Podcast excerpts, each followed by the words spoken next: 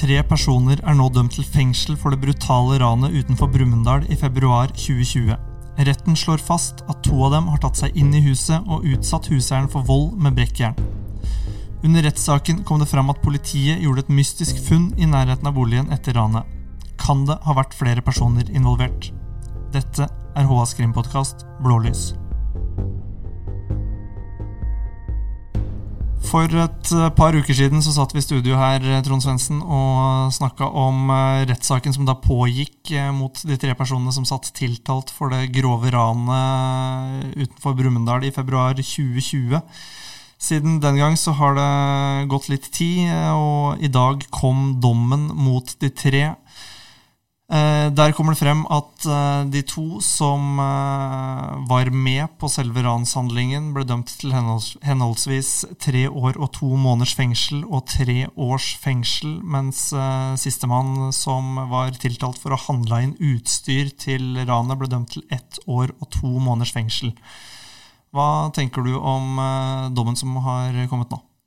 Jeg registrerer jo at uh, domstolen da legger seg litt under aktors påstand. Noen måneder under. Uh, for alle tre sin del, vel. Så det er jo, er jo uh, Jeg ser jo at han som er utsatt for ranet, han sier at det er som å bli spytta i ansiktet. Så mm. han er jo veldig frittalende på det, og det er klart at det er vanskelig å Eh, for han å på en måte godta, og det forstår jeg. Det er ikke vanskelig å forstå. At det er vanskelig for en som blir slått i huet og trua med å bli drept, at det er vanskelig for han at eh, straffen skal reduseres i forhold til aktors påstand. Han, klart at han syns antageligvis at straffen var for lav i utgangspunktet i forhold til den påstanden som ble nedlagt i retten. Ja, Det er jo ikke så veldig vanskelig å forstå, for vi snakker om eh, et straffebud her som har en strafferamme på 21 års fengsel. og Ser man på lignende saker, så er det ingen tvil om at den saken her ikke er i nærheten av å strekke seg opp til å være Nei. på den fulle utnytte strafferamma fullt ut, men uh, Nei da, strafferammer er, er, veldig sånn uh, egentlig litt sånn tåkete å prate om ofte i straffesaker. For at om saker har 10 år og 15 år og 20-21 års strafferamme, så er det jo veldig veldig sjelden vi er der. ikke sant? Det er jo i aller, aller ytterste og groveste tilfeller. så Eh, det som er greia, er at påtalemyndigheten må forholde seg til det vi kaller rettspraksis. Altså må gå, når de skal legge ned en påstand i en slik sak, så må de gå inn i eh, rettssystemet. Se hva, hvor ligger straffenivået på slike saker. Og så er det da på en måte vanen, den etablerte vanen i rettsapparatet vårt at vi følger det eh, rettsnivået, straffenivået som ligger i bånn. Mm. Og så kan det da virke mildt for uh, de utafra, og særlig de som da er uh, blitt berørt av en så dramatisk uh, handling, da. Altså, du Det er vanskelig å ja, det, det, føle noe rettferdighet uansett, nesten, når du har vært utsatt for noe sånt. Hvis du satt deg i offerets rolle, hva er rettferdig når noen har hoppa inn gjennom et vindu i stua di?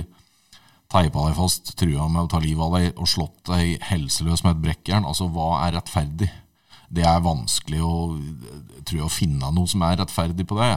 Um, det er, vi vet jo at mange kan få veldig langvarige eh, plager, og da tenker jeg ikke nødvendigvis på fysiske helseplager, men jeg tenker på psykiske konsekvenser av å ha opplevd sånne ting. ikke sant? Og det er plager som på en måte langt kan overstige de fengselsstraffa som blir satt i slike saker. og det er klart at Den som blir utsatt for det, og dens nærmeste, og, og kanskje mange som leser om det, vil jo måle det ene mot det andre og synes at det er grådig urettferdig.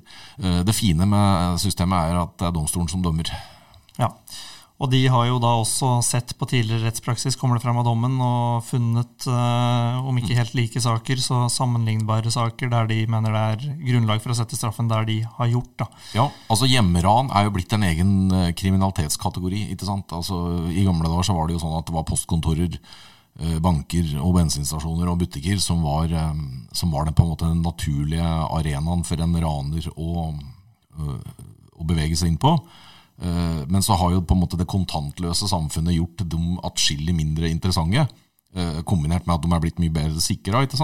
Slik at Vi har jo sett en utvikling over de siste åra, og at eh, hjemmeran er blitt en, en greie. Da. Og vi har flere brutale eksempler på hjemmeran, også her på Hedmarken. Mm. Flere av dem er jo til og med uoppklart. Vi har jo hjemmeran både ute på, på Ilseng og i Brumunddal nedover på 2000-tallet, som står som uoppklart. Ja. Eh, det vi kan lese ut fra dommen, er jo at de to som eh, ble dømt for å ha vært med på selve ranet, og de har jo også sjøl innrømmet at de har vært med på eh, selve ranet, de har fått noe strafferabatt for den tilståelsen. Men samtidig så har de vært veldig forbeholdne i hva de har forklart. Det er bl.a. ingen som har innrømmet verken at de har teipa noen fast, eller at de har slått noen med et brekkjern, sånn som retten legger til grunn. Mm.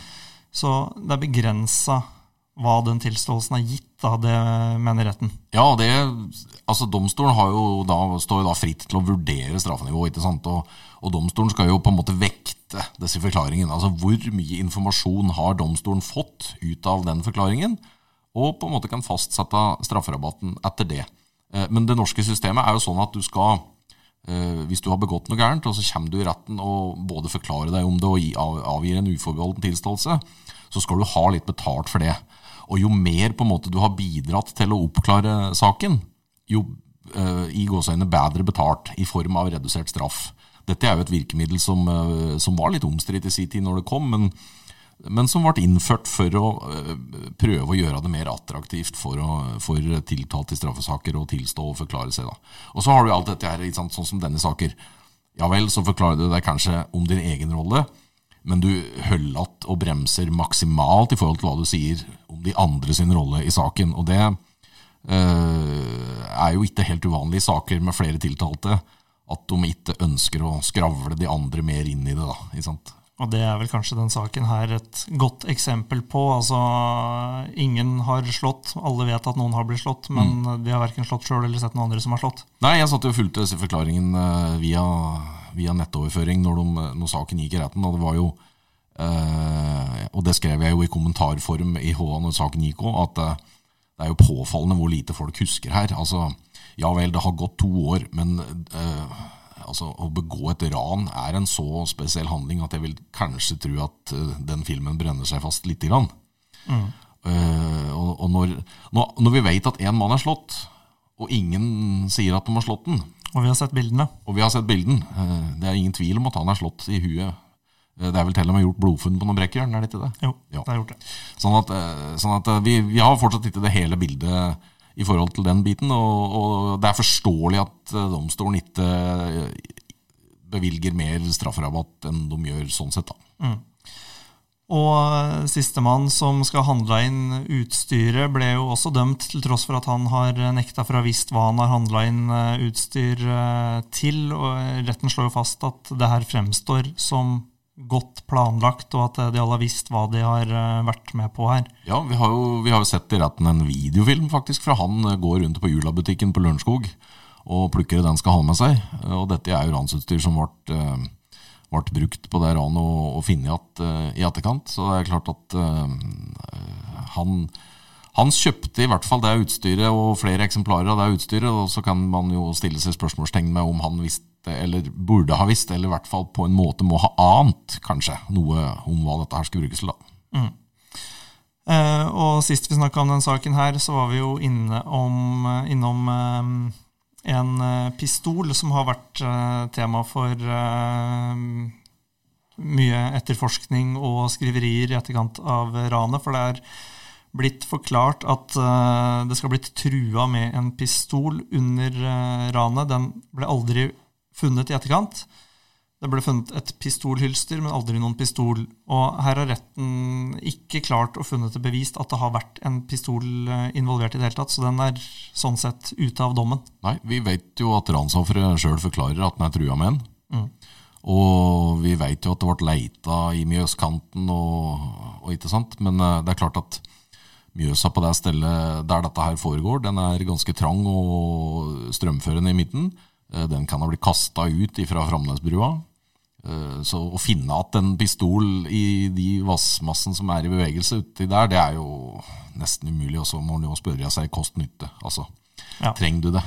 Eh, men ransofferet sier at han er, er trua med en pistol, og, det ble jo gjort noe kruttslamfunn ble det som på en måte ikke ble vurdert som veldig tunge beviser i saken, slik jeg oppfattet det når det gikk i retten, i hvert fall. Ja, og nå har jo da retten ment at eh, de ikke kan bevise at den pistolen har, har vært med i det hele tatt. da. Nettopp. Eh, Vi har vært i kontakt med forsvarerne til alle de tre som nå er eh, dømt. Det er litt tidlig å si om dommen kommer til å ankes fra den sida enda, men det antydes nå i hvert fall at det kan komme en anke, om ikke annet fra tredjemann som er dømt for eh, å handle inn utstyret. Så at den saken her kan komme opp igjen, det, det kan definitivt eh, gjøre. Ja, og så er spørsmålet er påtalemyndigheten fornøyd eh, med straffenivået. Kan de leve med det, eller syns de at de månedene som ble i, i minus på, i forhold til aktors påstand, er til å leve med? Det spørsmålet står vel foreløpig ubesvart. Ja, aktor har eh, Torbjørn Klundsæter har eh, foreløpig ikke rukket å få Og det er ganske typisk sett på den ikke det er biten. Da. Det Ja. jo veldig ferskt enda. Og det er ganske typisk påtalemyndigheten at de ofte ikke svarer på det i løpet av hverken første dagen eller første uka heller. Altså De vil lese og vurdere og veie for og imot. Og så tar de en beslutning på om det eventuelt er aktuelt å prøve det for, for lagmannsretten, som er domstolen over, da. Og så har vi også det tilfellet her at uh, tredjemann som skal, va- eh, skal ha vært med på selve ranet, ikke har uh, møtte ikke retten pga. Uh, sykdom og har fått saken sin utsatt. Så den delen av saken vil uansett komme opp igjen i tingretten senere. Vi er uh, ikke ferdig med denne historien her i Østre Innlandet tingrett, fordi at han var jo covid-sjuk og ikke til stede, som, mm. som, som vi husker. Han har forklart seg på video, heller ikke han erkjente den voldsbruken som har vært i, Nei, i huset her. Ikke sant? Så, men vi kan jo, ut fra dommen her, og at begge de to som nå er dømt, eh, har blitt vurdert til å ha hatt så å si en jevnbyrdig rolle under sjølve ranet, kan man jo da kanskje også trekke noen ikke slutninger, men noen antakelser på hva den saken også kan ende på. da. Ja, jeg vil jo tro at uh, vi vil ligge rundt det samme nivået som de andre, i hvert fall i påstand og sånn, og så får vi se hva tingretten skulle komme fram til. Eh, Det som kom fram i eh, rettssaken etter at vi eh, spilte inn eh, forrige episode, Trond, var jo at eh, en stund etter ranet ble funnet noe utstyr utendørs, eh, ikke så langt fra huset. Det var bl.a. en eh, finlandshette og en julapose og litt diverse utstyr som i hvert fall teoretisk kan linkes til ranet. Eh, På Finlandshetta så ble det gjort funn av eh, DNA, men eh, politiet har ikke klart å identifisere hvem det tilhørte, eller knytte det opp mot noen av disse personene her. Da står man igjen med spørsmålet har det vært flere involvert. Mm. Sitter det noen som har hatt en rolle i det ranet som ikke er tatt? Den DNA-profilen åpner ei veldig interessant og spennende dør. Den åpner uh, muligheten for at uh, i hvert fall så har noen flere enn de personene vi kjenner til, vært i fysisk kontakt med ransutstyret. Mm. Det kan vi slå fast. Uh, eller DNA fra dem, altså type et hårstrå eller noe, så det, det må i hvert fall ha vært en, en form for nærhet mellom en person, en mister eller Mrs. X, som vi ikke vet hvem er, og det utstyret. Og det er klart at jeg veit ikke veldig mye i detaljer om hva som er gjort av politiet for å forsøke å finne den. Eh, det fins jo mulighet for eh, etterforskere å søke på DNA-profiler blant kjente kriminelle i et DNA-register. Og det vil jeg vel tro er gjort, og der har, man da kanskje ingen funn. Så det er klart at eh, det, om det var en fjerde person der, det er eh, et spor som jeg tenker at er veldig interessant. Men spørsmålet er om den DNA-profilen nå på en måte er litt sånn hvilende i systemet. da. At, eh, at Ja. du Tenk at vedkommende plutselig blir pågrepet i en annen sak, da, eh, og du får en match på en DNA-profil, så vil det kanskje blinke lampe på, på det rans, eh, ranseksempelet som vi sitter og prater om nå. Ja. Eh, Men om, den er, om det var en fjerde der, eller om, eh, om det var de tre som vi kjenner identiteten til, det er eh, et utrolig interessant spørsmål. Ja, og Politiet har gjort etterforskning av det, de funnene som de har gjort der, uten at de har klart å finne ut om det har vært eller ikke har vært en fjerde person. Men det at det fin de finner en julapose Mm. med den rollen julautstyr har hatt i den saken her Ikke sant? Og, og bare for å dra en liten uh, parallellhistorie om DNA. altså Vi hadde for en god del år tilbake et ran på Hedmarken der noen etterlot seg en liten uh, bloddråpe uh, etter et ran som politiet klarte å sikre seg en DNA-profil av. Så vidt jeg husker, så var dette her et brutalt gullsmedran. Mm. Og der var gjerningsmennene over alle hauger. Men så fikk du en hendelse der de ble pågrepet i Sverige i et annet forhold og DNA-profilen fra det ranet på Hedmarken slo inn. Mm. Så det er klart at en, en DNA-profil skal du ikke helt uh, undervurdere kraften i. Den kan fort føre til noe, den, men det er ikke sikkert han gjør det med en gang. Og, og det er ikke sikkert han gjør det noen gang hvis ikke vedkommende begår ny kriminalitet eller på en måte havner i registeret. da. Nei, nei.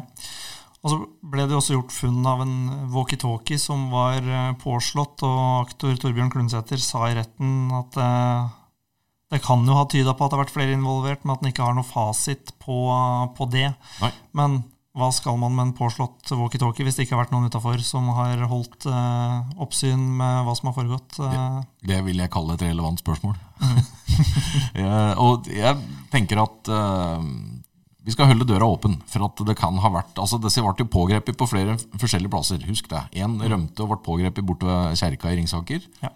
Uh, en ble pågrepet ikke så langt derifra, en ble pågrepet borti Brumunddal i nærheten av E6. Ja. Så de var jo over alle hauger. Mm. Uh, og det kan jo en fjerde raner ha vært òg. Eh, de nevner klokelig nok ingenting om det i sine forklaringer, selvfølgelig. og Nei, det er spennende dette her. Jeg syns det er veldig interessant uh, om politiet mm, lar den etterforskningen leve og puste litt, for det kunne vært veldig interessant å ha svar på det. Og saken er så alvorlig at vi burde hatt svar på det. Det er sant. Og det har jo vært et tema her at uh, det er bakmenn som skal ha bestilt det ranet her. Det har det jo Absolutt. den ene tiltalte sagt sjøl i retten, at det er noen han skyldte penger, som mm. sa han kunne gjøre det her for å få sletta deler av gjelda si. Ja. Og det har jo ikke blitt sagt noe om hvem de bakmennene er. Nei, så, det vet vi ingenting om. For de, eh, hvis det er bakmenn, slik som han sier, så er de eh, beskytta gjennom domsforklaringer. Og hvis uh, forklaringene som blir gitt i retten stemmer, at det faktisk har vært noen som har bestilt det ranet, så vet vi allerede at det på hvert fall indirekte har vært flere involvert som vi ikke har uh, kjennskap til. Da. Nettopp. Ja. Så jeg tenker at saken er ikke 100 belyst og ferdig etterforska. Nei. Vi vet jo fortsatt ikke om saken blir anka, eller om den her eh, kommer til å fortsette i rettssystemet videre. Vi følger uansett med på hva som eh, skjer, og følger opp med nye saker hvis det er utvikling. Eh, takk for nå igjen, Trond. Så høres vi i en ny episode om litt.